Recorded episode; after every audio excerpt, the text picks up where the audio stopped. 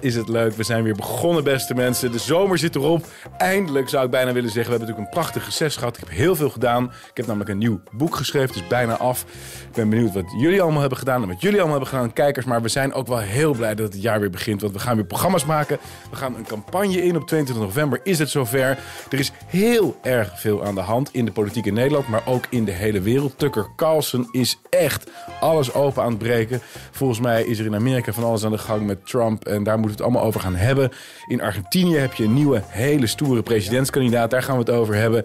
Uh, jullie hebben ons allemaal weer kaarten en brieven gestuurd. We hebben zijn ook een uitleg verplicht, Ralf. Want we zouden Forum en route gaan maken. Maar het kabinet viel op ongeveer de dag dat wij van plan waren om uit Nederland te vertrekken om onze reis te gaan maken. En het was gewoon niet mogelijk om de voorbereidingen voor de campagne te combineren met al die internationale afspraken. Dus die hebben we on hold gezet. Maar daar gaan we nog wel een keer mee verder. Hè. We hebben ook met James Dellingpole bijvoorbeeld afgesproken. Die komt een keer hier naartoe. Dus het, het loopt wel, maar niet op de manier wat we dachten. Nee, er is al veel buitenlandse activiteit van jou geweest ook. Hè? Dat is ja. hartstikke goed, denk ik. Dus uh, dat is al een beetje een opmaat voor het, uh, de internationale oriëntatie, zal ik maar zeggen. Hè? Dat is toch goed. Ja.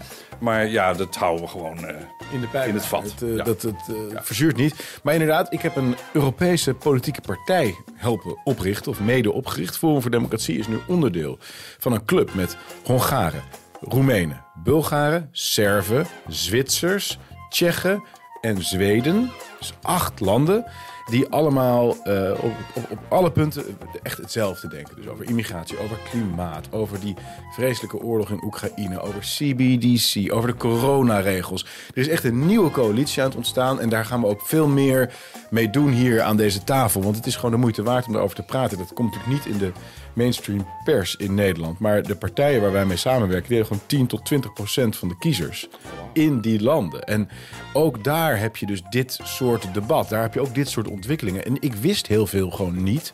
Want ja, hoe, hoe moet je het weten? Ik spreek geen woord Hongaars natuurlijk. Maar nu hebben we dit, dit internationale platform. We willen er ook een website aan gaan koppelen. We willen stukken gaan delen. We zijn bezig om een nieuwe conferentie te organiseren. We zijn ook alweer uitgenodigd bij die landen zelf. Dus we zijn in Sofia uitgenodigd, hoofdstad van Bulgarije natuurlijk. We zijn in Servië uitgenodigd. Uh, maar we willen ook die mensen hier naartoe halen. Dus er is echt heel erg veel gaande. Kortom, en we zitten hier aan tafel natuurlijk met Ralf, maar ook met niet iedereen kent jou al. Andreas Bakier, je bent al sinds 2016 echt een steun en toeverlaat van mij en van de partij. Doordat je bent IT'er, maar je bent ook op heel veel andere vlakken actief. Je bent ook vier jaar Provinciale Statenlid geweest in Overijssel. Um, en je praat met een mooi Tukkers accent. Ja, ik kan er niks aan doen. Ik uh, werk, werk al lang, vijf, vijf, jaar of zo voor jou in, uh, in, Den Haag. En ik heb nog steeds geen normaal mensen hem gemaakt. Het is ongelooflijk. Ja, dat overdrijf je ook een beetje, vind ik hoor. Nee, nee, dit is gewoon hoe ik spreek. Dat weet je, Ralf. Ja. Heb je iets te drinken ja, meegenomen? Zeggen, dat is toch wel de hoofdzaak. Oh jongens, wat hebben we dit gemist. Wat fijn. Ik hoop ook dat kijkers denken van... Oh, ik ga weer het hele seizoen uh, erbij zijn. We hebben ook post gekregen. Forumers, ik heb voor de verandering een heel korte vraag, zegt Alex. Hoe was jullie vakantie? Andreas, hoe was jouw vakantie? Eigenlijk dit jaar niet heel bijzonder. Ik ben eigenlijk... Dat klinkt goed. Zo, ja, dat, dat klinkt wel goed, ja. ja.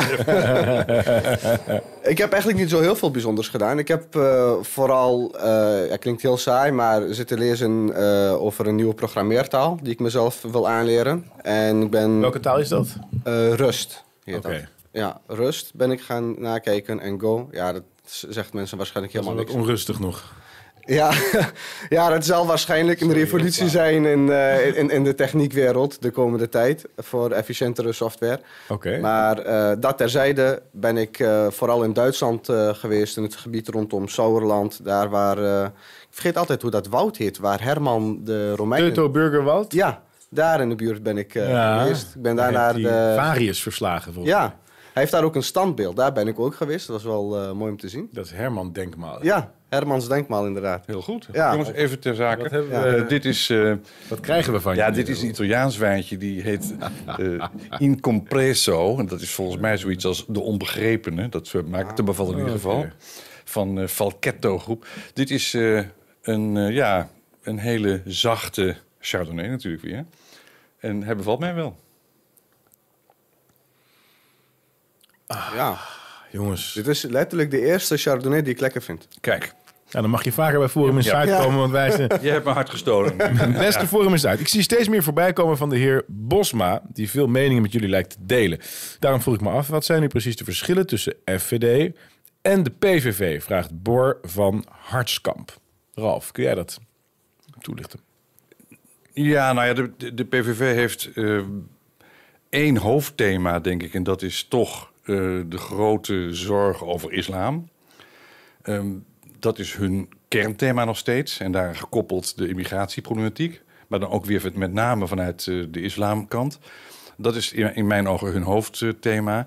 Verder zijn ze natuurlijk kritisch op de macht en kritisch op allerlei dingen. Wat wij voor een belangrijk deel ook zijn. Maar de kernthema's van ons, als je kijkt naar bijvoorbeeld eh, nou, corona, daar hadden ze toch, liepen ze eigenlijk gewoon mee.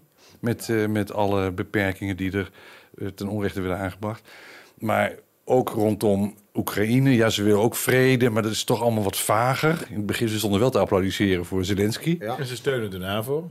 Eh, de NAVO steunen ze nog steeds voluit, volgens mij. Ik heb inderdaad. daar meerdere vragen over Daar gesteld. ja. inderdaad heel veel... eh, Ja, dus een paar van dat soort. En er zijn, ze zijn in wezen ook best, eh, ja, laat ik zeggen, links georiënteerd waar het gaat om de economie van het land. nou, niet in weerstand, dat zijn ze letterlijk. Mm, Ja, nou ja, links en rechts zijn natuurlijk een beetje mistige begrippen zo Nou, laten we zeggen socialistisch. Daarom hebben zij ook ze in dezelfde vijver van de kiezers van de SP.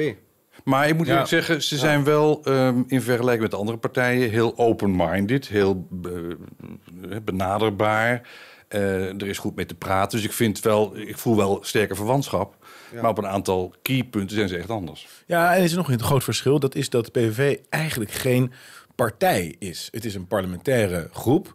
En daar doen ze een aantal dingen goed. Een aantal dingen inderdaad veel minder goed. En ik vind echt het forumgeluid wat dat betreft veel fundamenteler. Wij hebben het over de Great Reset. We hebben het over de globalisten. Daar hoor je hen gewoon niet over.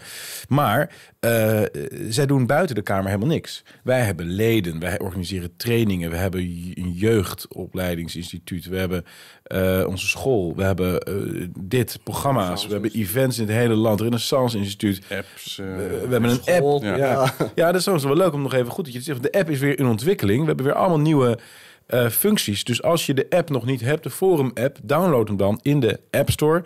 Je kunt daar winkelen, je kunt daar eh, eh, koopjes jagen, want leden bieden elkaar dingen aan. Vakantiehuisjes ook. eh, Korting voor uitjes, restaurants. APK-keuring kan gratis via de app. Ja. Heel veel dingen. Je kunt ook chatten. Ehm, dus het is absoluut iets wat mensen moeten downloaden. Beste Thierry, zegt Roeland. Henk Krol is naar BVNL gegaan. Is Krol in jouw ogen een echte conservatief of gewoon een politieke opportunist? Goed, Roeland. ja, kijk, ik ken Krol al heel lang. Ehm, en ik moet zeggen dat ik hem als mens heel amabel vind. Hij is heel aardig. Hij is heel hartelijk. Maar ehm, ideologisch is het ja, zo vaag als iets. Hij heeft met eh, Jan Nagel, wat echt een verstokte PvdA is, een socialist, heeft hij eh, de 50PLUS-partij opgericht. Dus dat was zeg maar voor de, voor de ouderen, heel gericht op de pensioenen enzovoorts. Ehm, toen is hij met eh, Henk Otte in zee gegaan voor de Partij voor de Toekomst. Dat was ik helemaal Daarvoor nog eerst met eh, Femke Merel. Daarna Oh ja, was- met Femke Merel voor de Ja, Klimaatpartij was dat. Want zij ja. kwam van de Partij voor de Dieren. Ja, En toen is hij van de Klimaatpartij naar de Toekomstpartij gegaan met Henk ja. Otte. En nu is hij... dus het is een beetje 12 steden, 13 ongelukken. Ja, precies. Eh, dus Het is een flexibel mens. het is een flexibel mens. Hij is wel aardig. Hij is wel aardig. Thierry en tafelgasten zegt Valérie. Een weekje terug is Trump zijn mugshot vrijgegeven. Hebben jullie zijn vervolging gevolgd? En zo ja, in hoeverre geloven jullie de aanklachten? PS, love the show. Ja, eh, het is gewoon een politiek proces natuurlijk. De verkiezingen komen eraan. Ja, En Joe Biden, dat is... Ja, eerst vond ik het, werd ik er boos over en vond ik het ja, eigenlijk best wel... Ja, zoals ik zeg, werd ik best wel boos over dat de machtigste man ter wereld een seniele, ja, dementerende oude man is. Maar nu vind ik het eigenlijk zelfs een beetje zielig worden. Als je... het is oudermishandeling. Ja, die, man die weet echt niet, helemaal niet wat hij doet. En dan vraagt hij gewoon, wat moet ik nu doen? Waar moet ik nu heen lopen? Waar was ook zo'n fragment waar Die dan... Trump Abraham Lincoln genoemd. Ja, zulke, zulke dingen. Ja. Rus- Russia's illegal war in Iraq. Uh, excuse me. uh, Ja, ja, ja. Zulke dingen. Of dan schudt hij twee keer dezelfde persoon een hand... terwijl Ja. hij eigenlijk hem en die andere een hand moest schudden. Hij was toch op bezoek bij de, Ja. bij de eh, premier van eh, India. En die Ja. heeft in India had zo'n guard bij zich. Zo- die was dan twee koppen groter en had zo'n kostuum aan. En hij staat gewoon, die, die guard, dat hij de hand schudt zei, had hij helemaal niet door. Modi. Van het podium. Maar wat dat January 6 betreft, dat is toch wel een totaal fabricated verhaal. Ja. Dat is gewoon van A tot Z een verzonnen verhaal. Ja. Een in, in scène gezet verhaal. Absoluut. Niet iedereen herinnert zich dat misschien nog, maar dat was dus vlak voor de inauguratie van de nieuwe president. Dus dat was dan Biden. Trump had de verkiezingen verloren. Eh, En dat was de dat. dag dat de vicepresident, dat was dan toen, eh, hoe heet hij? Eh, Mike Pence, moet dan eh, ja, het sleuteltje overgeven naar de nieuwe president. En op die dag, die, die, die 16 januari, riep Trump iedereen op naar Washington te komen om te demonstreren. Zes- En dan ging het ook weer verder Ja. Wat was het ook alweer? Ehm, peaceful en, en part... Wat het ook alweer? Nou, in ieder geval... Law abide, we're the party of the law-abiding people. Ja, in ieder geval, hij riep op tot een, een vreedzame demonstratie. Ehm, heel expliciet. Maar dat vreedzaam werd al uit alle verslagen ge- geknipt, zeg maar zeggen. Hij twitterde nog van jongens, kalm aan, eh, ga rustig naar huis. Maar die, die tweet werd verder nooit meer uitgezonden, want hij werd van Twitter gegooid. Eh, en de mensen die eh, dat kapitoolgebouw moesten beschermen enzovoort... die zetten juist de poorten open. Dat bleek ook helemaal geïnfiltreerd te zijn met FBI-mensen. D- dit werd dus gewoon in scène gezet. Het was echt een Ja. Ja. En dat is inmiddels ook wel behoorlijk duidelijk geworden. Ja. Eh, en op basis van dat verhaal, wordt gewoon allemaal genegeerd. Wordt hij aangeklaagd alsof hij een revolutie heeft uitgeroepen. Hè? Ja, alsof hij Eh, een coup wilde plegen. Ja. En het komt er nu eigenlijk op neer dat de aanklacht niet veel meer is dan eh, protesteren tegen de, tegen de stemming of zoiets dergelijks. Challenging an election. Challenging Ja. an election uit zichzelf is al blijkbaar een strafbaar feit voor je. Ik geloof dat je minimaal vijf jaar de bak in kunt gaan. Ja. Nou, dat is, het is echt zo'n schandaal. Dat, dat ja. het is werkelijk. En dat wordt hier dus in de, in de pers eigenlijk niet of nauwelijks eh, op de volledige wijze belicht. Ja. En je ziet ook heel veel van die eh, mensen die daar stonden in die mensenmassa tijdens die eh kapitoolbestorming. Eh, die nemen dan video's op. En dan zie je ook dat wat wij hier dan kennen als Romeo's, dat is eigenlijk gewoon undercover agenten, die dan zelf de boel aan het opsteken zijn. Dat ze dan de ruiten proberen in te gooien van het kapitool. Dat de Trump-demonstranten hen juist nog tegenhouden van doe nou niet, zo komen we in de problemen, komen in een slecht daglicht te staan. En ja, het is, het is gewoon allemaal in scène gezet. Het is gewoon een false flag operation. Ja, dat is wel heel stuitend. Ja. Nu Pieter Omtzigt heeft gezegd definitief niet bij BBB te gaan, zie ik een kans liggen voor FVD om Omtzigt aan zich te binden. Hoe zie jij dat, Klaas? Ik denk dat deze eh, mail een beetje eh, vroeg in de vakantietijd is gestuurd, want inmiddels zijn er veel nieuwe ontwikkelingen. We hebben Mona Keizer gezien bij de BBB. Eh, en een hele interessante move, want Lilian Helder van de PVV is over. Dirk-Jan Epping, Nicky Pauverwij. Eh, die mensen die hebben allemaal meer, minimaal drie politieke levens, zo blijkt. En Dirk-Jan Epping is volgens mij als een, als een zevende partij toe of zo nu. Ja, maar het is echt ongelooflijk. Volgens ja. mij doet Eertmans daar niet aan onder hoor. Die zit volgens mij ook al inmiddels Eertmans bezig. heeft ook, maar Eertmans blijft dus in zijn eentje maar die blijft achter. dus wel achter, ja. Ongelooflijk, het is gewoon karma.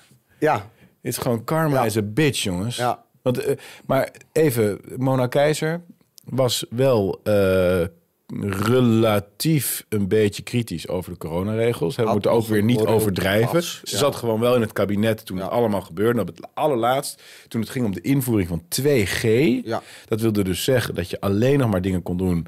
Ja, als je of gevaccineerd was of een herstelbewijs had... maar niet meer met een test...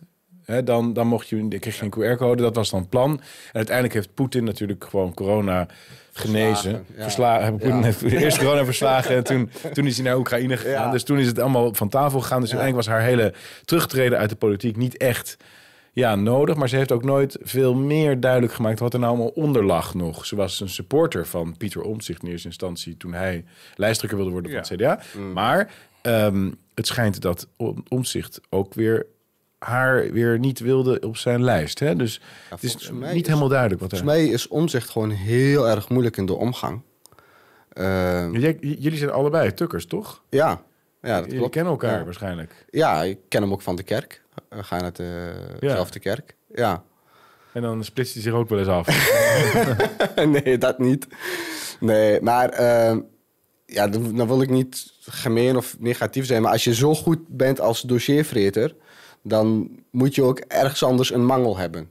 Eh, en dan wil ik dus niet gemeen zijn, maar Ja, ik, ik, kan me, ja, ik, ik kan me voorstellen dat hij gewoon heel lastig in, in de omgang is. Want hij is gewoon een perfectionist. En alles moet 100% kloppen. En je hoort ook wel eens in de wandelgangen dat hij ook wel eens heel boos kan worden. Ja. Dus ik denk dat, dat daarom dat misschien niet helemaal lekker is gaan Maar tussen ik die twee. denk dat, dat zowel BBB als Omtzigt nog hele zware maanden krijgen. 100%. Want 22 november is best ver nog. En eh, ja, je ziet, het, je ziet het aan jaar 21. Het is niet zo makkelijk om een nieuwe partij op te richten en stand te houden. En heel veel mensen die komen daar dan nu op af, omdat ze denken... eh, weet je, daar zijn zetels te halen, daar zit winst. Dat, dat, dat vinden mensen interessant. Succes, nothing succeeds like success, zeggen ze ook wel. Niets is zo aantrekkelijk als succes. Maar eh, de kiezers, de Nederlandse kiezer, die wil volgens mij twee dingen. Die wil aan de ene kant dat er iets verandert en aan de andere kant dat het netjes blijft. Ja. En dat is de tragedie van de Nederlandse kiezer. Want als je iets wil dat er iets verandert, dan moet je natuurlijk gewoon maar bij ons zijn. Dat is duidelijk. Eén partij die echt iets anders wil. Alleen dat vinden ze dan dus, ja, af en keer een uitspraak geweest. En in de pers krijgen we negatieve aandacht. En dan denken mensen, mm, mm, ja, kan ik dan niet... eh, they want to have their cake and eat it. Ze willen eigenlijk ehm, ja, eh, alle benefits, alle voordelen van een grote politieke verandering. En tegelijkertijd willen ze niet de nadelen daarvan, namelijk tegenslag en, en demonisering en kritiek en, enzovoorts. Dus Wel de lusten, niet de lasten. Wel de lusten, niet de lasten. De Ja. kiezer die, die, die, die wil steeds, hè, die wil gewoon eh, echt fundamentele verandering. Daar ben ik van overtuigd. Immigratie, die onbetaalbare klimaatbeleid, noem het dan maar op. Stikstofbeleid van tafel. En dan denken ze dus steeds van, oh, maar dat, het wordt dan omzicht, weet je wel? Die, Mm. Gaat die dan op een fatsoenlijke manier die hele swamp drainen? Dat hele moeras dichtflikkeren. Gaat, gaat, gaat BBB dan op een, op een beschaafde, rustige, aangename, gezellige, allemansvriendelijke manier eh, iedereen daar een trap onder zijn kont geven? Dat kan niet. Dus of die partijen, die nieuwe partijen, die verliezen de sympathie in de pers. Nou, dan wordt de kiezer bang en dan denkt hij, "Eh, dat wil ik helemaal niet. Dat is trouwens bepalend, hè? Ja. Of Ja. die partijen, die moeten tonen dat zij eigenlijk helemaal geen echte verandering willen. En dan is dit, dat, die andere eis van de kiezer, is, eh, daar is niet aan voldaan. En ik denk dat BBB dat al heel erg heeft gedaan. Daarom is BBB gewoon gehalveerd in zetelaantal sinds de Provinciale Staten. Hè? Dat is ongelooflijk. Dat komt natuurlijk omdat ze coalities zijn aangegaan in Zuid-Holland met GroenLinks. Omdat ze hebben gezegd dat ze eh, voor het, eh, de, de onteigening van boeren zijn. Ze zijn voor vij- in 15 minuten steden. Ja. Waarom waren ze voor de onteigening van boeren? Omdat de boeren dan juridisch gezien meer geld konden krijgen voor hun eh, ding. Dat was dan goedkoper dan eh, uitkopen. Dat was dan voor hen aantrekkelijker dan uitkopen. Ja. En dat vond ze dan een overwinning voor de boeren. Wat is er nu gezegd? De, de belastingen voor de autorijder gaan omhoog. Mhm. Nou had Caroline gezegd dat het er tegen was... zolang er nog niet voor iedereen openbaar vervoer beschikbaar was. Ja. Kijk, dat is gewoon... Ja, dat is gewoon... eh, dat is geen oppositie. Dat is gewoon een beetje gepruttel. eh. en voor Omtzigt geldt hetzelfde. Hij had dan zijn, zijn hoofdpunten gepresenteerd. Bestaanszekerheid vond hij belangrijk. En de transparantie, eh, zwartgelakte WOP-documenten en nog iets onbelangrijks. Ja, ik bedoel, het is wel belangrijk, maar het is onbelangrijk in de zin dat onze economie gaat kapot door de klimaatplannen. Onze hele sa- sa- samenleving stort in elkaar door die massa-immigratie. Eh, oh, hij om zich wil niet met ons samenwerken omdat wij vrede willen in Oekraïne, had hij ook nog gezegd. Dus hij is totaal pro-NAVO en, en pro-oorlog kennelijk. Ik ben ook niet vergeten dat hij altijd met die mondkapjes rondliep. Ja, volgens mij willen kiezers dat niet. Dus wat er de komende maanden gaat gebeuren... dat is dat die nieuwe partijen die nu een soort aantrekkingskracht hebben... ook heel veel gelukszoekers. Ik bedoel, kom op. Dirk-Jan Epping, zeven partijen achter de rug. Nicky Pauverwij. Ehm dat zijn mensen die, die... Hoe gaan die geloofwaardig één partij vormen met elkaar? Dat, kan toch, dat gaat toch helemaal niet gebeuren? En dan verder allemaal ambtenaren op die lijst. Nou, dat viel me wel op, ja. Dat er heel veel eh, overheidspersoneel Ja, de overstap maakt. Nou, maar dat vind ik wel een No bezwaar. way dat zij echt andere standpunten kunnen innemen. No way. Ik, ik vind een bezwaar dat het heel veel toch weer een soort recycling is van mensen die al in die burelen rondlopen. Eh, en ook een recycling die over de grenzen van de trias politica heen gaat voortdurend. Hè. En dat, dat ergert mij echt. Hè. De mensen die van de politiek naar de rechterlijke macht gaan, Ja. van de ambtenarij naar de politiek. Eh, Kijk, dat het een beetje voorkomt, fair. Maar het is nu één melee. En mensen vertellen ook gewoon trots van... nou, ik heb heel lang bij eh, het ministerie van LNV gezeten. Ja. En nu ga ik... Nu ga ik het eens van een andere perspectief. Ja, dat is natuurlijk vanuit een deskundigheidsoptiek wel begrijpelijk. Maar Ja. ik denk dan van ja, maar dan gaat alles door elkaar lopen. Hè? Dat moet je gewoon niet Zij structureel moeten doen. straks, ze hebben 15 jaar lang met hun collega's daar beleid bedacht. En dat moeten zij nu kritisch gaan bekijken. Ja, nou ja, yeah, right. Ja, Dat- hoe- dat- hoe werkt Dat dat? gaat dus niet. En nog e- één laatste ding over omzicht. Eh was een aantal maanden geleden had Tony van Dijk van de PVV... die had een motie ingediend om die ehm ehm, accijns op de brandstof niet te verhogen per 1 januari. Ja, Omtzigt stemt daar tegen. Ja, dus, die stemt voor de verhoging. dus voor de verhoging. Maar dan ja, brengt dan... ja, daar zit een nuance aan. Hè? Want er was, al een, er was al een andere motie ingediend door, eh, nou niet de PVV, maar iemand anders, die, die exact hetzelfde beoogde. En daar was die voor. Dus deze motie was over, overbodig en daar was hij tegen. Nee, nee, je moet wel eerlijk zijn. Ah, moet wel eerlijk zijn. Maar het is Dat slaat allemaal... trouwens nergens op. Ja, dan Als je toch toch stemt over Nee, nee, dat ben ik met je eens. Maar dat, dat heeft dan weer te maken met eh, voor een motie van de PVV of van FVD stemmen staat slecht. Dus je kan beter tegenstemmen. En dat, dat speelt allemaal Maar, mee. maar dit is toch... Hij zegt nieuwe politiek. Dit is toch allemaal oude politiek? dat is oude politiek. ja. Dit is Dat toch allemaal oude politiek? Ja, dat is Het waar. is gewoon, eh, hoe ze dat? Oude, zijn en, eh, oude wijn en nieuwe zakken? Oude zijn in nieuwe wakken. Beste mannen van Forum Insight. De vliegtuigcrash van Prigozhin zal jullie niet ontgaan zijn. Hoe duiden jullie dit? Zat Poetin erachter of is het ingewikkelder dan dat? Vraagt Jennifer. Ja, we hebben het allemaal gezien, het, eh, dat, dat privévliegtuigje. eh, waar hij dus in zat. Ja, ehm, wat ik heb, de meest interessante analyse die ik heb gelezen, is dat dit niet door Poetin is gedaan, maar door tegenstanders van Poetin. Want Poetin heeft Prigozhin nooit als verrader bestempeld. Die wel één keer toch? Nee, hij heeft alleen maar de mensen die de koep in die, in die ene speech toen. eh, Ja, toen dat, dat vond hij verraad. Ja, hij heeft niet gezegd Prigozhin is een verrader. hij heeft maar hij heeft- vervolgens Prigozhin nog twee keer ontvangen op het, ja, ja, nee, dat is waar. Maar hij heeft één keer de term verraad Ja, gekoppeld verraad. aan... Ja, aan die actie. Ja, Ja, dat is ook dat wel wel. waar. Ja, ja. oké, fair enough. Maar ik vond het wel een interessante gedachte. Ik dacht, ik, ik kan, het probleem is, in Nederland kan ik redelijk inschatten wat de contouren zijn van het machtskartel. En, en, en in Rusland gewoon niet. Dus ik weet, ik, eigenlijk weet ik gewoon niet wat de positie van Poetin intern nou precies is.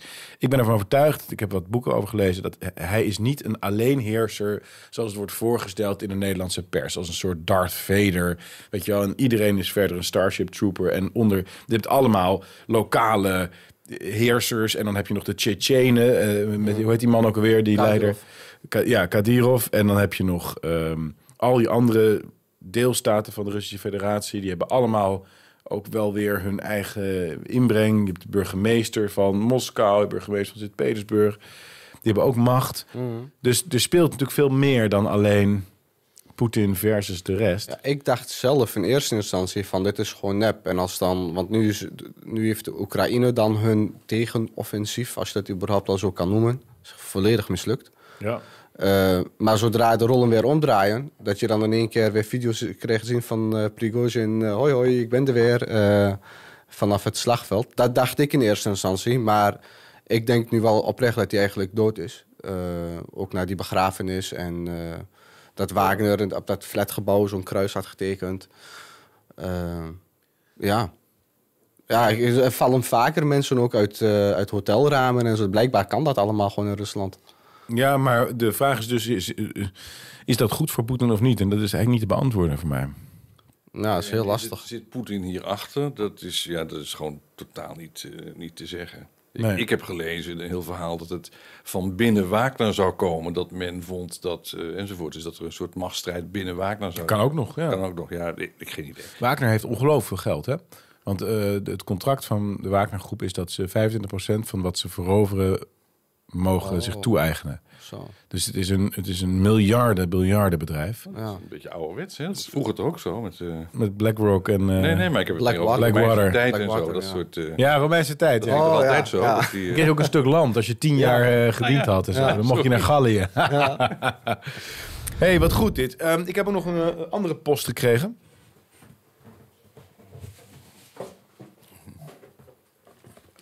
Namelijk, dit is natuurlijk voor jou, Ralf. Dit is een, eh, een fles zwarte muskaat. Black Muscat.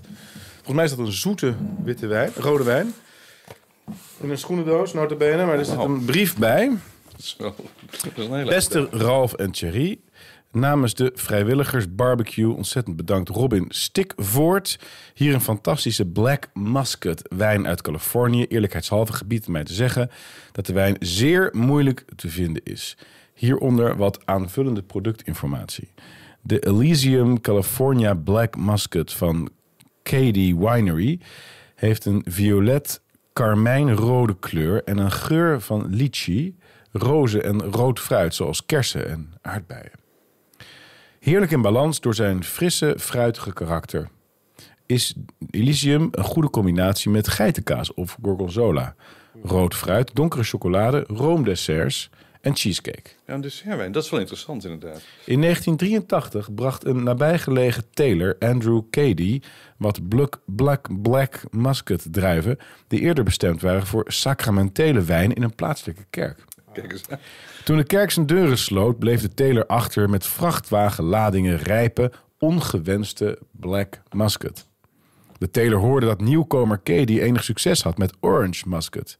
Dus klopte hij aan bij Cady en de rest is geschiedenis. Cady behandelde Muscat op dezelfde manier. Artikel op. Oké, eh, ik zal... eh, anyway. We hebben Forum en route willen doen. Ja. Dit, dit soort Dan dingen dan proeven. Californië. Dus het is toch een beetje vervangen. Dankjewel, ik vind het wel leuk. Ja. Ik vind het wel heel leuk. Hey, maar voordat wij eh, verder gaan praten, gaan we even een fragment kijken. Want Ralf en ik zijn eerder deze week in gesprek gegaan met Gert-Jan Mulder. Dokter Gert-Jan Mulder, gepromoveerd bij Ruud Lubbers op het onderwerp globalisme. Hij wordt de godfather van rechts Nederland genoemd, want hij was betrokken bij de oprichting van Forum voor Democratie van Ongehoord Nederland, bevriend met Geert Wilders. En nog iets, ben ik vergeten. En hij Martin Bosma natuurlijk. En met jou is gewoon goed bevriend met Martin Bosma, met mij, met allerlei andere mensen. Hij organiseert jaarlijkse gezondrechtse barbecue... waar alle rechtse mensen die elkaar de rest van het jaar naar het leven staan... allemaal even één uurtje met elkaar eh, vriendjes zijn. Ja. Eh, het is een ongelooflijk leuke vent. Hij heeft een fantastisch boek geschreven... wat wij iedereen aanraden. Het heet Vrijwel Onbeperkt. En hier is het interview. Kijk met ons mee.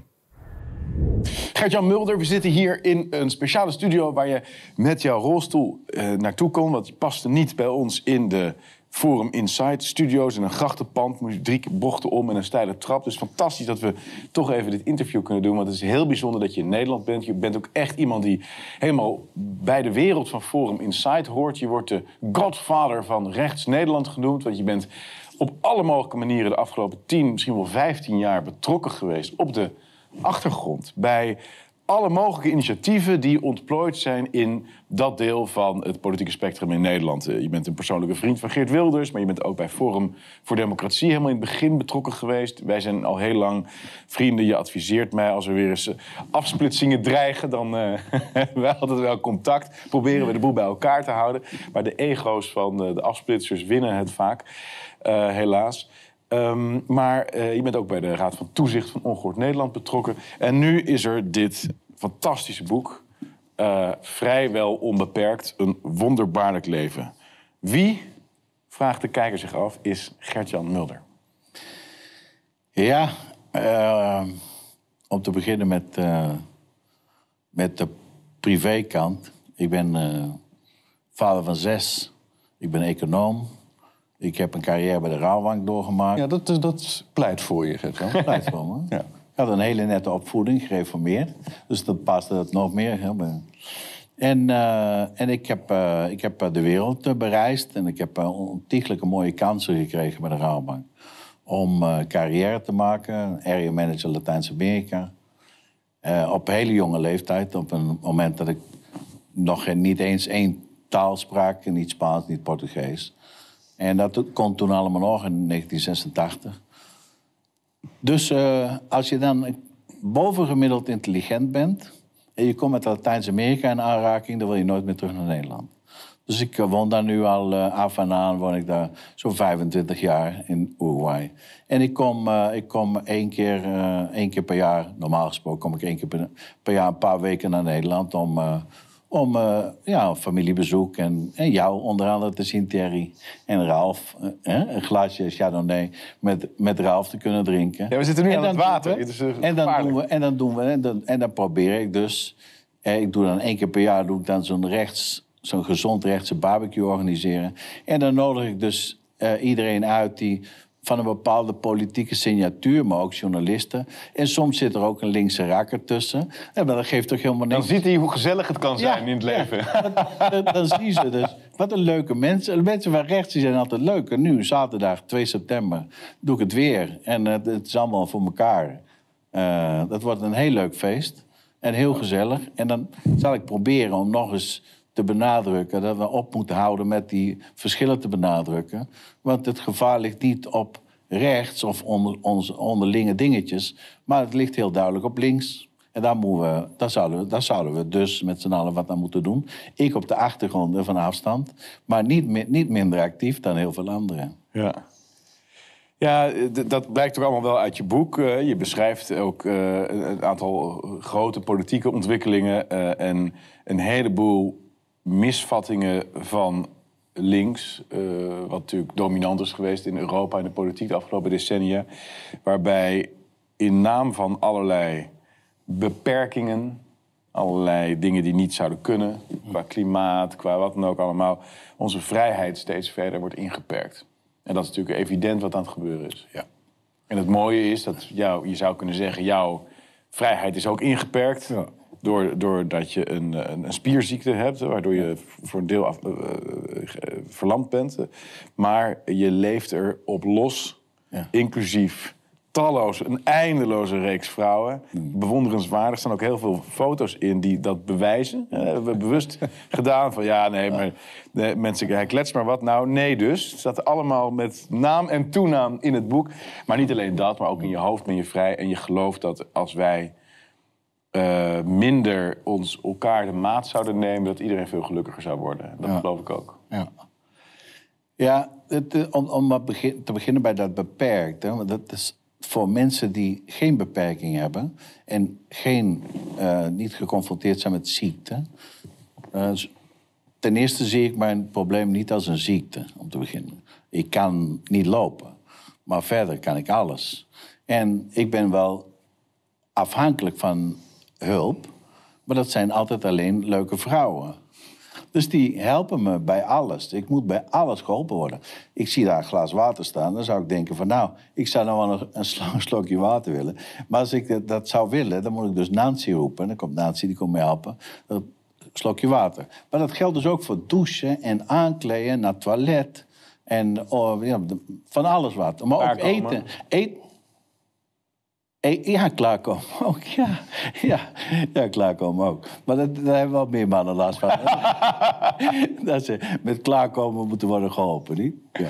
Maar, dat is, eh, maar ik zie dat dus allemaal als een zegen. Ik, ik heb daar ontzettend veel plezier aan. Je hebt de Dus hele dag leuke niet- vrouwen om je heen. Nee, ik zie het niet. Nee, ik zie het dus nooit negatief. Ik heb altijd, ik heb het altijd aan mijn zin. Ik word altijd, altijd lief en leuk en ontzettend. eh, dus ik zou, me wel, ik zou wel kunnen. Zo heel soms dan denk ik van, ja, ik kon wel monoski en snowboarden en, en, en ik had ook een katamaran en ik had een motorboot en ik, en ik kon ook wel, ik kon ook wel een, een halve marathon rennen. Dat deed ik ook regelmatig. Dan zou ik wel kunnen denken van, goh, ja, dat is toch ook jammer hè, dat ik dat nou niet meer kan. Maar dat heb ik dus vrijwel nooit. Vrijwel nooit. Maar omdat je er zo natuurlijk mee omgaat, wennen de mensen in je omgeving er ook heel snel aan. Hè? Ik heb eh, G één keer uitgenodigd op een lunch in Zeist. Toen zaten we daar bij eh, de Hermitage buiten, was heel genoeglijk. Maar wij kenden elkaar eigenlijk nauwelijks, een beetje via Twitter. En dan wil ik een keer één of twee keer gezien bij die borrel van jou, die, Ja. eh, die barbecue. Ehm, dus ik zat daar al te wachten en GJ kwam wat later. En die kwam op een gegeven moment dus een, met een aanhangwagen... werd hij zo eruit gepiekeld. En, en we zaten daar en nou... Dus een dametje gaat naast hem zitten en die, die voert hem de wijn. En voert, in het begin dacht ik van zo, nou ik had er geen idee van. En na tien minuten merkte je het niet eens. Maar na verloop tijd, dat ging allemaal zo makkelijk. Dus we hadden gewoon een uitermate aangenaam gesprek. Ja, ja. Met name over de Rabobank natuurlijk, hè, waar we het nodige gezamenlijk in hebben meegemaakt. Ja. Althans, we hebben nooit elkaar ontmoet als collega's, maar we hebben natuurlijk wel eindeloos veel namen en situaties die we allebei vanuit een andere hoek kennen. Dat is wel grappig. Maar het viel me dus helemaal niet meer op dat er iemand naast zat die dat, dat verdwijnt heel snel.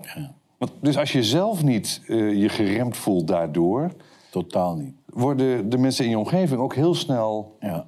Ja, die zien het ook niet meer eigenlijk. Nou krijgen de, de, de, de kijkers die krijgen nou wel het idee dat ze mij uit een aanhanger trokken, niet? Maar dat was dus niet zo. Gewoon met een reed hijskraan, toch? Ik Gewoon zo. in een Renault Espace, niet? In een Renault Ja, Espace. En achter zat een, een aanhangwagentje en daar zat mijn 30.000 eh, euro kostende rolstoel. Ja, ja, nee, zat daarin, niet? Dat- het dus niet allemaal uit armoede En dit is de eh, komt, rolstoel onder de Rolls Ja. Royce. Rolls Royce. Rolls, Ro- nou zeg. Ja, Rolls Royce. Rolls Royce onder de rolstoel. Dat is hem, ja. ja. Dat is hem, ja. ja. Hey, en ehm, waarom eh, voel jij je nog steeds betrokken bij eh, de politiek in Nederland? Want je zou kunnen denken, je hebt genoeg sores aan je hoofd, je hebt een leuk leven, je woont prachtig. Ik heb je ook opgezocht in Uruguay. Nou, dat is paradijselijk, is echt schitterend. Wat, wat bezielt die man om zo elke dag betrokken te zijn bij de politiek en de, en de cultuur in Nederland? Ja, mijn families die gaan eh, honderden jaren terug in Nederland. En ik heb heel veel familie, ook direct. Kinderen, kleinkinderen, zusters. En ik vind, en ik vind eh, dat eh, een immigrant, een allochtoon zoals ik in Uruguay allochtoon ben... zich niet daar, met de eh, lokale politiek moet bemoeien. da- dan maar- dus dan maar Nederland. En dus in Nederland kan ik dat ook. Hè? Ik kan ook stemmen hier, ik kan tegenstemmen, ik kan stemmen. Hm. Ik kan ook over van alles wat zeggen. En er zullen wel mensen zijn die zeggen van... ja, we moeten die rare snuiten nou helemaal vanuit Uruguay. Waar bemoeit hij zich mee? Maar ja, het feit is dat ik dat, dat kan. je wordt ik ben Nederlander. gewaardeerd hè, door heel, heel, heel veel mensen die nu kijken, kennen jou misschien nog niet. Maar Hmm. Ik zei al, Geert Wilders, maar ook eh, wij van Forum, Mhm. mensen van Ongehoord Nederland. En er zijn waarschijnlijk nog, nog vijf of tien andere. Martin clubs en Bosma, die was Bosma, twee maanden geleden. is ook een Maar vriend van jou. ja. Mhm. Eh, dus je bent achter de schermen heel, heel betrokken. En ik denk wel dat nu dat er een tijd aankomt die het is mogelijk dat er echt iets gaat verschuiven nu. Mhm. Trump die is harder dan ooit. Tucker Carlson is los. Eh, dus dan Twitter is natuurlijk eh, opengebroken door Elon Musk. Dus er wordt ook echt nu over de vaccinaties, over Oekraïne, over CBDC, over het klimaatverhaal. Dus het begint echt iets te schuiven. Vind je het een spannende tijd? Heb je het gevoel dat er iets, dat er iets in de lucht hangt? Of zal het weer met een sisser aflopen? Ehm, Het is bijna niet voor te stellen dat het met een sisser afloopt. Nee, hè? Bijna niet. nee. En als je het, zoals wij zien dat World Economic Forum invloed heeft in allerlei landen op dezelfde manier eh, negatief. En bepaalde programma's wil doordrukken.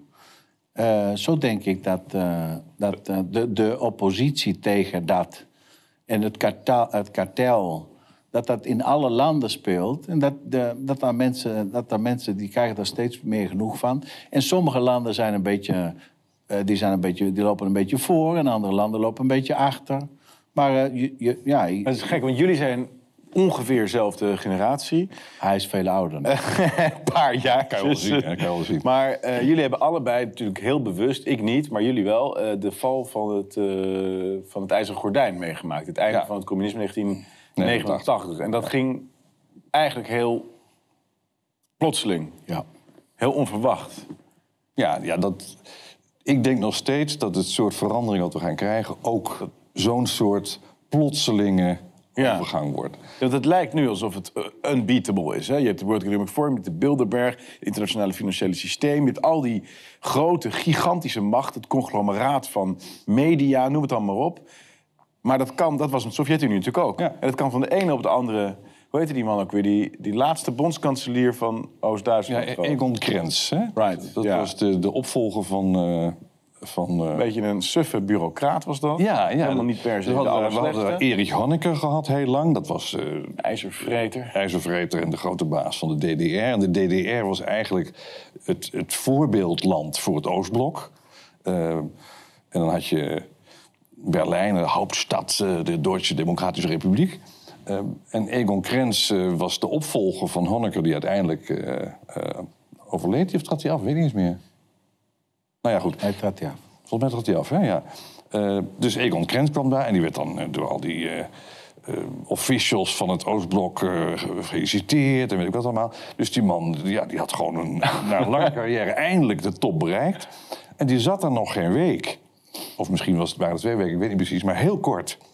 Ehm, en toen was er een, een grensovergang met Hongarije die, die open stond en waar niemand iets aan deed. En eh, dat werd bekend en gaandeweg. Toen sprak hij er ook uit dat het prima was als mensen daar gebruik van maakten of zoiets in een onbewaakt moment. En een dag later eh, lag de muur om. Zo, Ja. zo hard ging het echt. Ja. En wij waren opgevoed, eh Gert-Jan en ik en, en al onze tijdgenoten... met ja, een wereldbeeld waarbij er gewoon twee stelsels waren. En die twee stelsels kom je overal tegen. Of je nou in Afrika zat, of in, in, eh, in Azië, of waar dan ook. Het was overal herkenbaar. Dat of ze werden ondersteund door de ene of door de andere kant. En dat was gewoon ja, de wereldorde. En die viel dus toen in tijd van een, van een week of zo, viel die in elkaar. November 1989, hè? Ja. Dat, eh, die Ja, periode hebben we het over. November, december. Ja. En je zat echt met, met open mond aan, aan de buis. Eh, en ook die, die Oost-Duitsers en die trabantjes die dan naar, naar West-Berlijn reden, weet je wel. Die eh, voor het eerst die supermarkten van dichtbij wilden zien. Dat was echt... Ja, ik zat al echt met tranen in mijn ogen voor de, voor de buis te kijken.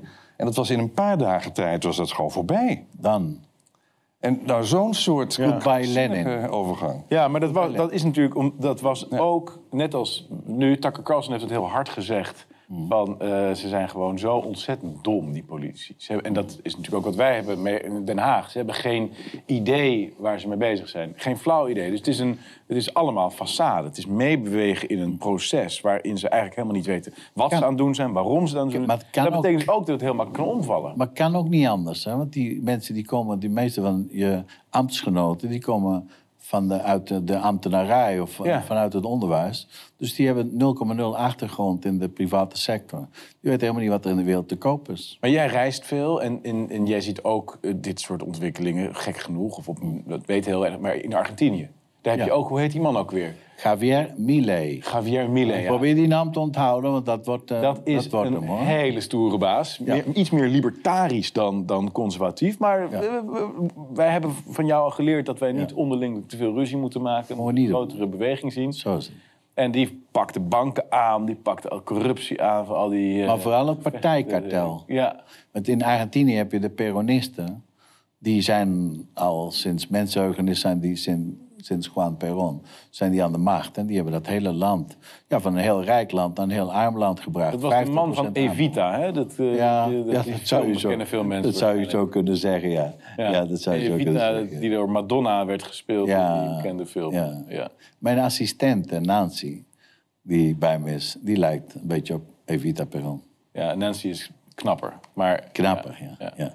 Maar dus wat je ziet het ook, waar, het deel van de wereld waar jij dan veel verblijft, daar zie je ook die bewegingen ontstaan. Dus het is wel, er is wel een soort mondiale ontwikkeling nu gaande. Daar, daarvoor ook een ander buurland in, in Brazilië. Was het ook een eh, dubbeltje op zijn kant of Bolsonaro zou winnen of Lula. Jammer hè, dat Bolsonaro... En ja, ja en, en, en, en er- wordt gezegd, en dat kun je ook terugvinden overal, dat de beïnvloeding van buiten in de Braziliaanse verkiezingen, dat die bepaald niet onbelangrijk waren. Ja, ja, ja. Dus die Bolsonaro die had, het, eh, had, het, had het heel goed gedaan. En het had maar zo gekund dat hij er nog zat vandaag.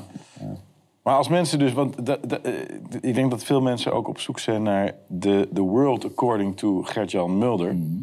En het, heel duidelijk, en het is een fantastisch boek met ongelooflijk veel levenswijsheden en, en leuke anekdotes en wat niet al.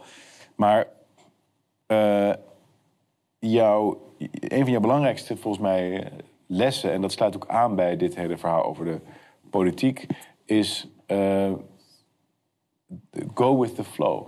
Accepteer een bepaalde gang van het leven en, en ga daarin mee. En dat geldt natuurlijk ook voor de manier waarop je omgaat met je beperking. Maar dat is denk ik wel wat ook mondiaal... Jij bent volgens mij geen complottheorie-aanhanger. Jij ziet ook een bepaalde trend die is gaande. Dat kan zo veranderen. En als we daarop meesurfen, dan kan het allemaal...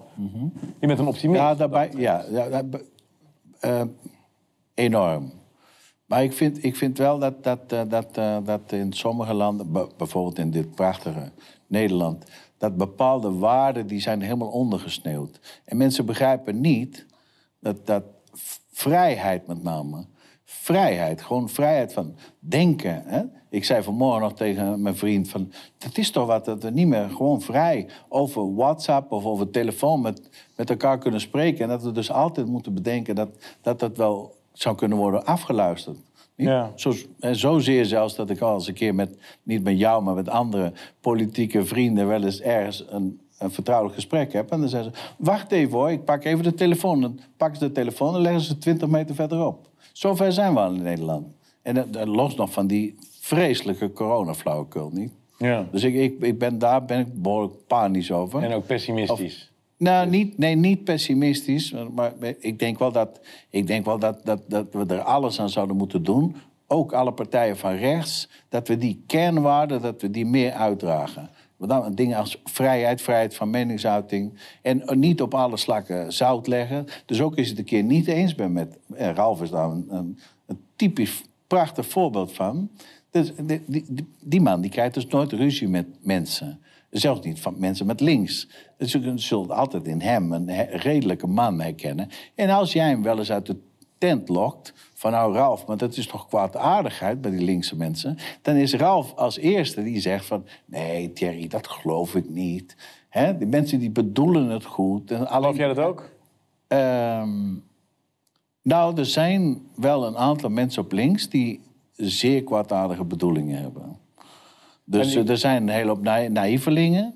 En die hebben een bepaald geloof. Dat leg ik ook uit in mijn boek. Hè. Dat is een bepaalde filosofie die je hebt. En je kijkt naar de wereld op een bepaalde manier. Dus die zien, die zien in mensen zien ze alleen maar het goede. En die denken van ja, asielprobleem. Ja, dan moeten we natuurlijk, ja, dan kunnen we niet zeggen van ja, ik kan niet meer bij. Nee, we hebben de plicht om die mensen op te nemen. Niet? Dat doen linkse mensen. Zonder, zonder zich te beseffen wat de consequenties daarvan zijn. Op, op korte, middellange en op lange termijn vreselijke consequenties. Ja. Ja, heb jij een, ehm, heb jij één boodschap voor eh, onze kijkers? Eén ding wat je mensen wil meegeven? Wat je leuk vindt om te vertellen? Wat, wat, waarvan je zegt, dit, dit wil ik overbrengen, dit wil ik uitdragen. Hm. We zitten nog steeds vast op dat politieke. hè. Dus ik denk dat het belangrijkste is, die 22 november, die komt eraan. Ik denk, dit boek, dat, dat moeten mensen vooral, eh, vooral bestellen, vooral lezen. Daar, worden ze alleen maar beter van. Want als je daar iets uithaalt uit dat boek... dan is dat ondanks beperkingen die je zelf hebt... of die anderen of de maatschappij of de kerk of, eh, of de staat je oplegt... dat je daar tussendoor, dat je daar heel veel eh, vrijheid eh, uit kunt halen. Maar na 22, rekening houden met 22 november... dat is toch echt wel mijn allerbelangrijkste punt. Dat heb ik ook even aangegeven in het filmpje bij Ongehoord Nederland. Dat, eh, dat het is geen keuze voor rechtse partijen om samen te werken. Maar het is echt een opdracht.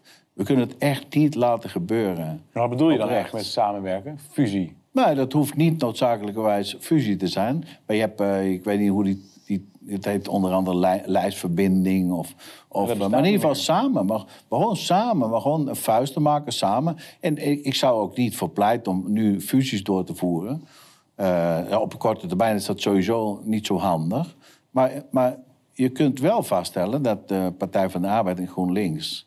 eh, de hele rechtse politiek te kak hebben gezet. En dat ze daar ook nog die fantastische, briljante strategische zet hebben uitgehaald om Frans Timmermans terug te halen. Dus werkelijk briljant, briljant. Daar moet je gewoon je hoed voor afnemen. Dat zou je moeten doen. En je zou daar les uit moeten trekken. En dan zou je dus, je zou dus een antwoord moeten formuleren. Ik, had, ik heb gepleit in januari 2019 om daarvoor, dat voor te zijn. Om die samenwerking op rechts in inhoud te geven. Dat hebben we niet, dat hebben we niet gedaan. Maar wat, wat, eh, kijk, het woord samenwerking, dat is, dat is een van de meest misbruikte woorden in de wereldgeschiedenis. Want de Europese Unie is ook altijd, zeggen ze, samenwerking. Terwijl, wat is het? Het is gewoon het afpakken van soevereiniteit van landen Ja. en alles overnemen. Samenwerken betekent bijvoorbeeld dat ik heb vaak sympathiserende interrupties met Martin Bosma. Ja. Dan weet je dat iemand zijn tijd wordt ingeperkt. En dan zeg je van, kunt u nog even uitleggen, weet je wel? En dan krijg je nog weer twee minuten. Ja. Dat doen wij over en weer. Dus wij werken in feite al heel veel samen. Eh, op allerlei mogelijke manieren. Dus wat dat betreft is het een no-brainer. Tegelijkertijd, ehm, zoiets als Ja 21... Ja. dat is in mijn ogen een, eh, inderdaad een Judas-alliantie. Een, par- een partij van, van mensen die helemaal niet fundamentele oppositie willen voeren. Want die zijn nu niet meer te- voor Nexit. Ze accepteren het klimaatakkoord. Ze willen eh de internationaal recht niet aanpassen met betrekking tot immigratie. Ze zijn voor de oorlog eh, in Oekraïne. Ze waren voor alle coronaregels. Eh, ja, daar heb je dus helemaal niks aan. Dus dan denk ik samenwerken. Wat moet je, wat moet je daarmee? Nee, je moet dat exposen. Je moet laten zien dat die gasten, daar heb je echt... Ja, dat heb je nu weer gedaan. Ja, oké, maar dat wat bedoel klaar. jij dan met Dat is samenwerking? klaar. Dat is klaar. En, en, is het niet een holle kreet? En jaar 21, Samenwerking. jaar 21, met de interne problemen die ze hebben... komen we zo meteen uit op eh, twee, drie zetels als ze geluk hebben. Of misschien wel minder. Dus eh, daar, hoef je, daar hoef je wat mij betreft geen rekening meer mee te houden. Maar wat bedoel je dan wel? Nou, nou, nou, nou, wat, wat ik dus zag op, bij Vlagen, tussen Geert Wilders en jou... dat je wel eens een keer een kopje koffie ging drinken samen... dat je samen eens ke- probeerde een statement te maken. In de loop van de jaren heb ik dat wel gezien. maar als ik, eh, maar als ik, Het is er al. Maar, hè? Dus het is er eigenlijk al. Die... Nee, maar het is volstrekt onvoldoende. Het is volstrekt onvoldoende. Nou, ik, moet, ik herken meer- het wel hoor. Want ik vind ook dat eh, je bent geneigd om je eh, ja, helemaal blind te staren op verschillen die er inderdaad zijn. Hmm. Maar als je dan zegt van nou werk je dan liever samen met D66 of met GroenLinks, dan zeg je nee, nee, dat nou ook weer niet. Hè, want die, die gaan nog veel verder op een aantal punten. Eh, en soms moet je wel heel praktisch zijn en zeggen: ja, ik vind dit geen sterke zet van de 21 of van weet ik voor partij. Maar nog liever dat dan eh, een door D66 en GroenLinks en Partij voor de Dieren gedomineerde nieuwe richting, hè, zou ik maar zeggen. Ja. Eh, en dat laatste moet je wel voortdurend in de gaten houden. Dat als er een keuze is, dan moet je wel je preferenties kennen. En dan is de irritatie van een partij die veel beter had kunnen zijn, maar dat niet geworden is, of zelfs afgedreven is naar een, een ja, onverkwikkelijk midden, zou ik maar zeggen, is altijd nog beter dan een partij die met veel eh, enthousiasme de volstrekt verkeerde kant op gaat. Dus het is ook- Ja, nou ja, dat is wel zo. Maar ja, wat, wat, toch blijft het woord samenwerken voor mij... Kijk, uiteindelijk in de Tweede Kamer... Er is maar één ding wat relevant is. Dat is 75 plus 1. Dat is het enige. eh, al- Dus of je nou 20 zetels hebt, of 30, of 40, of 50, of 60, of 65, of 74... Ja. maakt allemaal geen bal uit, want het is niet 75 plus 1. Dus eh, ja, je kunt samenwerken tot je aan ons weegt. Maar uiteindelijk, het punt van dat links, wat jij zegt, is dat natuurlijk ideologisch gezien is GroenLinks, PvdA, VVD, de, eh, Omtzigt, BBB, is allemaal hetzelfde. Ze hebben allemaal dezelfde... Hmm. Ja, dus, dat, punt, dat punt maak je dus voortreffelijk. het maakt ook geen bal uit of Nee, ze wel of niet dat is- fuseren, want ja. hun beleid wordt toch wel uitgevoerd. ja, ja, ik, ik- Waarom is het dat zo'n briljante zet dat ze gefuseerd zijn? Het maakt geen bal uit.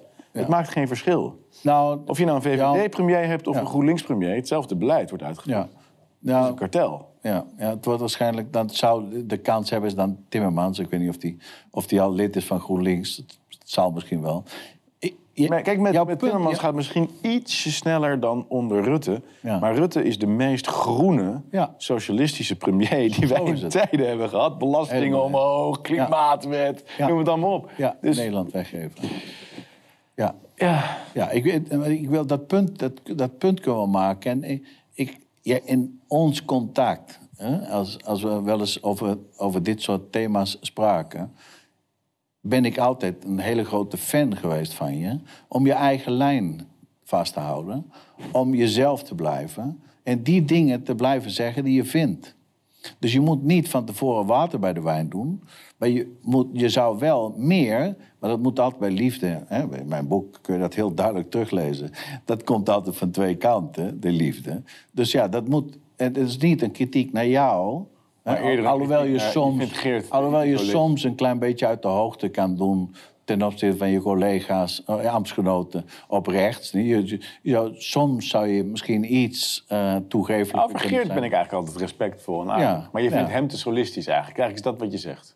Je vindt Nou, PVV te nou, dat zei ik niet, maar het is wel leuk dat je dat aangeeft.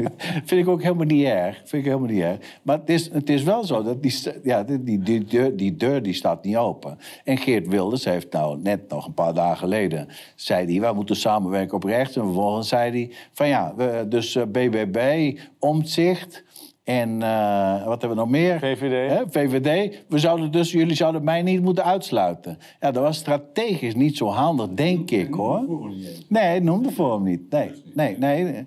Ja, dat was niet slim. Nou, Ik had het graag anders gezien. Maar vandaar dat ik dus ook niet letterlijk de godfather van rechts ben. Want als ik wel de godfather van rechts zou zijn... dan zou het dus echt anders lopen. Dan zou het anders. Dan zou het echt anders komen. Snap je? Nee, want ik wil, behalve die, die, jouw pleidooi voor meer samenwerking op rechts, eh, die in dit boek naar voren komt, is voor mij de belangrijkste takeaway, wat ik ook vaak gezegd heb, laten we het wel leuk maken met elkaar. Hè? En hoe groter de problemen, hoe groter ook de behoefte om het wel leuk te maken. Ja. En dat vind ik de takeaway. En jij zit eh, met een beperking, maar daar trek je je niks van aan, want je bent onbeperkt. En je ziet ook onbeperkte lol in dat boek. Ja. En dat vind ik zo ontzettend belangrijk. Ehm, en dat is voor mij ook de, de meest... Ja, de warmte die hieruit opkomt, zou ik maar zeggen, is... Als je het boek leest, word je gewoon, word je gewoon blij. Dan raak je in een goed humeur. Ja. En dat is misschien nog wel belangrijker dan politieke duiding. Ja. Ja, de levensvreugde spreekt er vanaf, de politieke wijsheid. Gert-Jan Mulder, het boek is nu overal te koop, vrijwel onbeperkt. Ik hoop dat mensen het gaan lezen en ik dank jou enorm hartelijk voor dit gesprek. Dank je wel. Heel graag gedaan.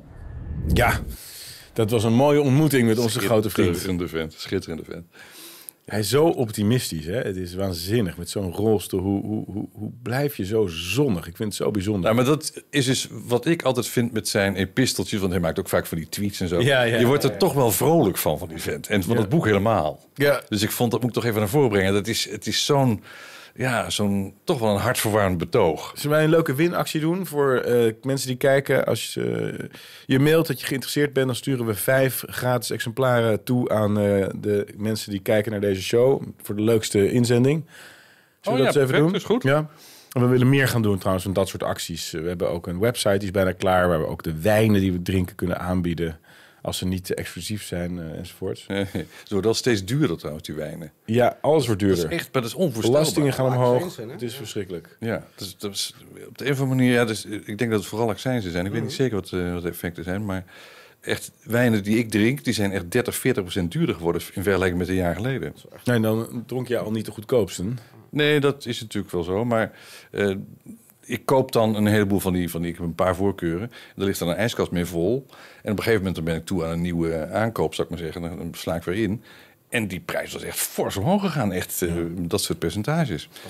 Dus, ja, dat, is- dat vind ik wel Jammer, hè? vervelend. Ja. Ja, Het is zo jammer. Want Alles wat leuk is, moet Ja. gewoon kapot gemaakt worden.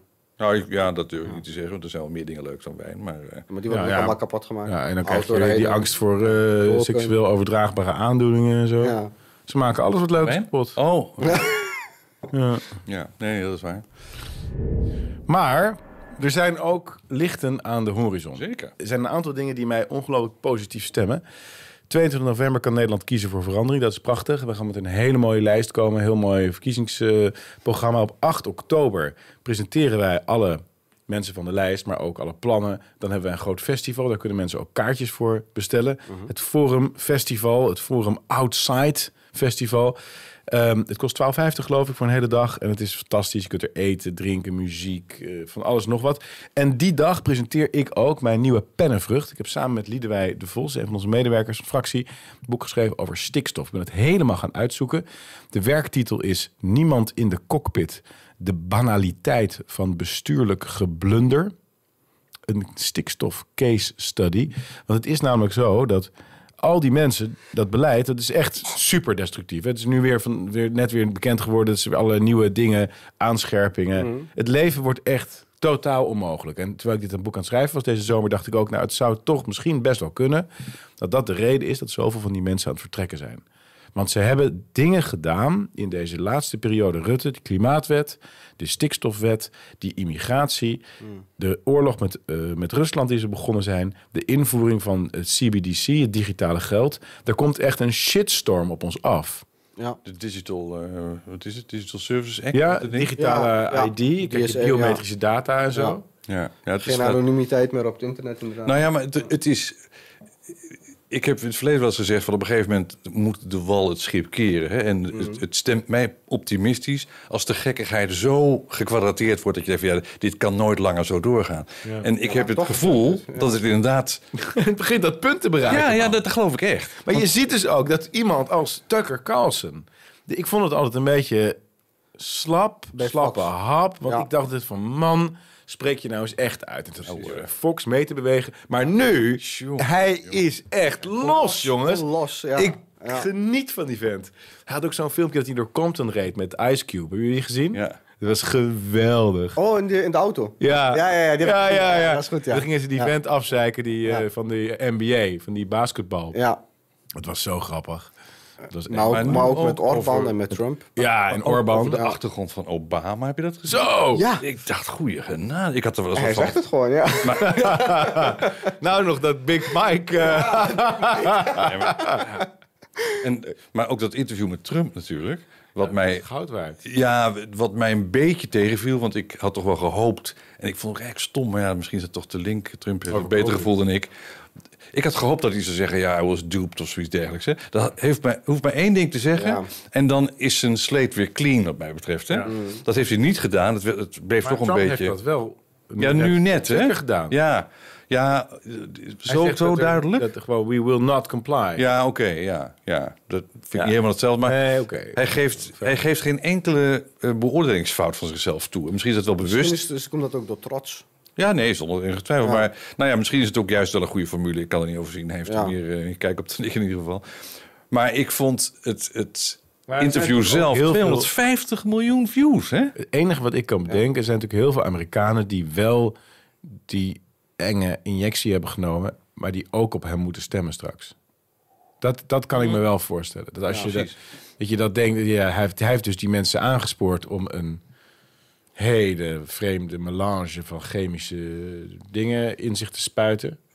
En dan gaat hij nu zeggen, jongens, het was een vergissing. Ja, dat, Ja, dat kan je niet maken. vergeven. Nee, dat klopt. maken. Dat, dat merk ik ook overigens hoor. Eh, als je er heel erg op doorgaat naar mensen mensen een toe, heel vervelend onderwerp. Dat, dat, is gewoon, dat is gewoon onprettig. Want ja, mensen hebben zich laten prikken en die zijn misschien wel gefopt. eh, Maar ja, die, die voelen dat toch, eh, die geven dat niet graag toe enzovoort. Bovendien, het voelt ook uitermate vervelend als het Ja. zo is. Ja. Dus ik snap wel dat dat, dat, dat besje en besje daarvan...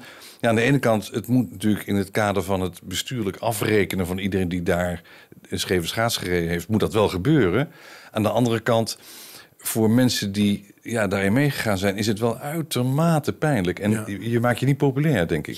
Ja. Dus het, het is ook een lastige afweging. Nou, hij heeft het blijkbaar voor gekozen om het zo te doen, Trump. Ja. Ja, nou goed, ver vanaf. Maar toch is er iets gaande. Er is een soort energie. Vind je niet? Ja, ik voel dat ook hoor. 100%. Al die andere kandidaten, echt houd er maar gewoon mee op. Ik bedoel, eh, Tucker Carlson heeft expres toen eh, op, op hetzelfde moment eh, het interview van Donald Trump Ja. uitgezonden. Ja. Als dat die GOP, Fox News. Fox. News. Iedereen ging toen naar Twitter kijken. Iedereen keek, ik, ik, keek eh, de- de Trump met eh, Carlson natuurlijk. Ja. Dat, dat is gewoon de kandidaat van, van, van rechts eh, Amerika. Ja, en dan gaat Biden wegens gezondheidsredenen niet door. Ja. En dan komt Bobby Kennedy namens de Democraten als de presidentskandidaat. Dan, dan vind ik het prima. en dan Ja. wordt het echt lachen. Ja. Ja, maar, dan gaat Maar ik geloof gebeuren. niet dat Deep Bobby- State krijgt gewoon een tik. Dat kan niet anders. Denk je? Big Pharma gaat een tik krijgen. Ja, Ja. is de deep state misschien van mening dat het tijd wordt voor verandering? Kan ook nog, hè? Dat suggereert... eh, Oeh, dat Ja, is dat- wel een hele heftige complottheorie af. Ja, maar nou ja, goed. Dat er een nieuwe generatie binnen de Deep State wil afrekenen met een oude generatie. En dat ze daarom... ja, dat, dat wordt in ieder geval bij, eh, bij eh, James Adam Corbyn. Curry... wordt dat gesuggereerd. Ik, of dat nou de leidende theorie is, dat kan je afvragen. Maar er is van alles denkbaar, hè? Ja. Maar er is inderdaad... eh, Er is zo ontzettend veel in the air. De, de, de staat verandering voor de deur. En je ziet het inderdaad in Nederland ook. Maar ook in een heleboel andere gebieden. Dat- Hetzelfde geldt voor Frankrijk, waar allerlei dingen bewegen. Hetzelfde geldt voor Duitsland. Hè, want je hebt AFD net niet genoemd. Maar dat is toch ook... In de peilingen ziet het er waanzinnig uit. AFD is een beetje een melee natuurlijk van, van een aantal zaken. Maar nee, er is wel een, een aantal big changes eh, in the air. Ja, exciting time to be Ja. alive, guys. Ja, Ja. hoopvol. Ik weet niet of dat een interne koep is van deep state op deep state. Dat durf ik niet. eh, zo- ik, zie dat niet. ja. Ja. Maar ja, ik weet ook niet of dat goed is. Misschien wordt het allemaal nog erger. Dat weet je natuurlijk ook niet. Nou, De het huidige wordt- tijdsgeest Kijk. is natuurlijk wel progressief. Maar het is allemaal regressief. Het gaat allemaal juist achteruit. Wat, wat vinden jullie er nou van dat Wopke Hoekstra nou naar de Europese Commissie gaat? Dat is ook En dat is gewoon, dat is echt... Voor één jaar, hè? Ja, Want over een jaar zijn de Europese ja verkiezingen. klopt. Zijn kabinetchef Diederik Samsom, die handhaaft hij. Diederik Samsom van de PvdA. Zo. Greenpeace-activist. Ja. Het is toch ook eh, totaal ongeloofwaardig, die man. Maar dat, dat was toch, als we de media moeten geloven dan... Dat, was om, dat heeft Rutte expres gedaan om Sigrid Kaag eh, Ja, te naaien. eh, dat geloof ik helemaal niet. Ik weet het niet. Nee, Ah, joh. Maar dit, dit, maar dit is toch sinds dag één wat jij al roept, baantjescarousel. Dat is letterlijk dit. Dat is het, 100%.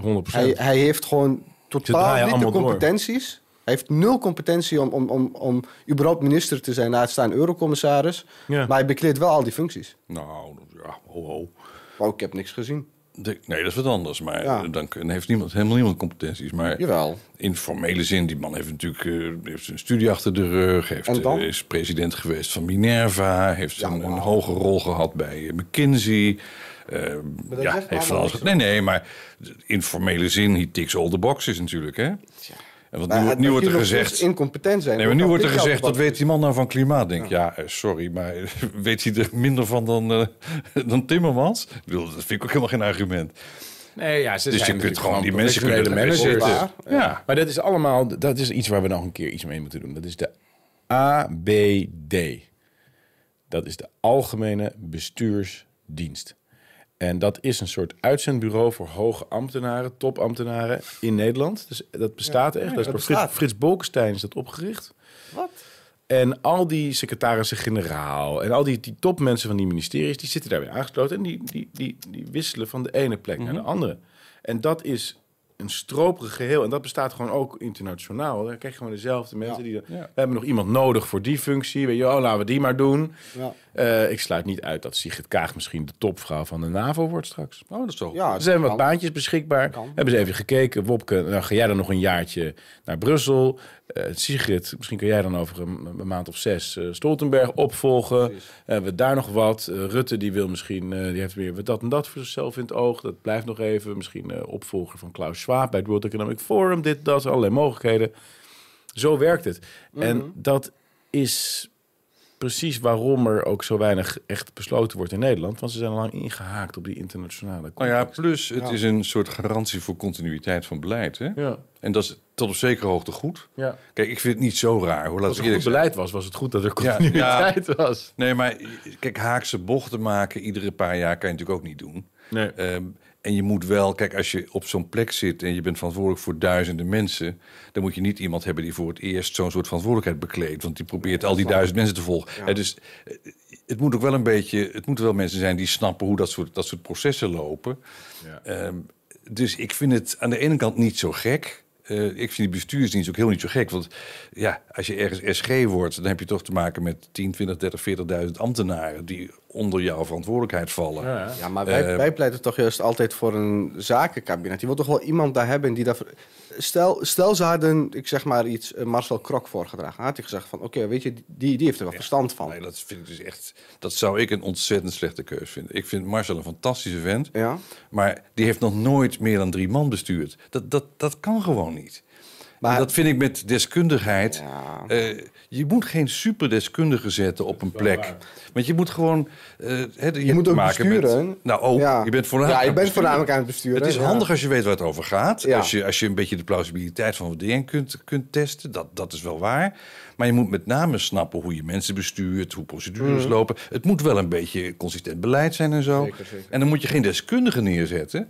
Dan moet je iemand neerzetten die bestuurlijke ervaring heeft en wel met dat veld vertrouwd is, maar, maar niet een, een superdeskundige.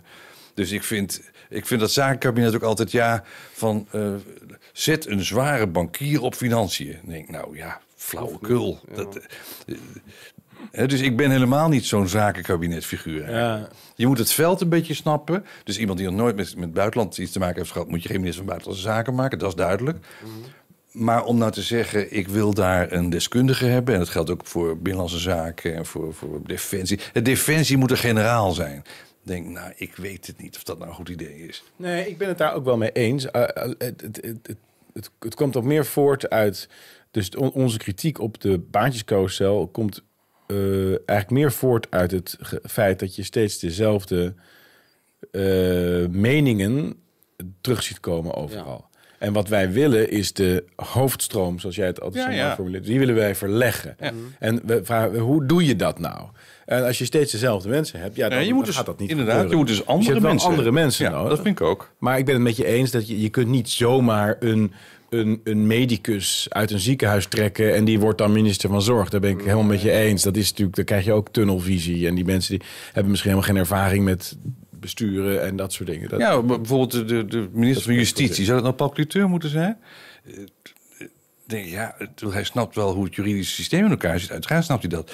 Maar zou hij nou goed zijn in het besturen van zo'n zo'n Departement. departement? Ik denk het niet. Ik denk dat hij dat hij, Wespennest. dat hij Maar doodongelukkig waarom, zou worden. waarom zou dat op die manier moeten? Ik bedoel, hij kan toch gewoon de ideologie en de visie uitdenken van wat zijn departement hoort te doen. En dan neemt hij een aantal ambtenaren aan en zegt van ja, regel dat dit zo loopt. Ja, maar zo werkt het managen van een grote eh, organisatie. Ja, vooral met de huidige eh, ambtenarenapparaat. Nou ja, d- daar komt natuurlijk. Kijk, dat vind ik het leuke van Trump eh, in, in de Verenigde Staten. Ik ben het niet met alle standpunten van iemand eens, maar ik heb wel het idee dat het iemand is die in staat is om een grote entiteit Zeker. te leiden. Ja, dat heeft dat hij ook zeker. gedaan zelf. Ja, Ja. ja. Eh, en ook niet bang is om onaardige maatregelen te nemen. En zich niet om de tuin. Dat heeft hij natuurlijk niet echt kunnen laten zien in zijn eh, presidentschap. Want hij werd op allerlei manieren dwars gezeten. Maar zo'n soort combinatie van, van achtergrond en de nieuwe politieke rol zie ik helemaal voor me.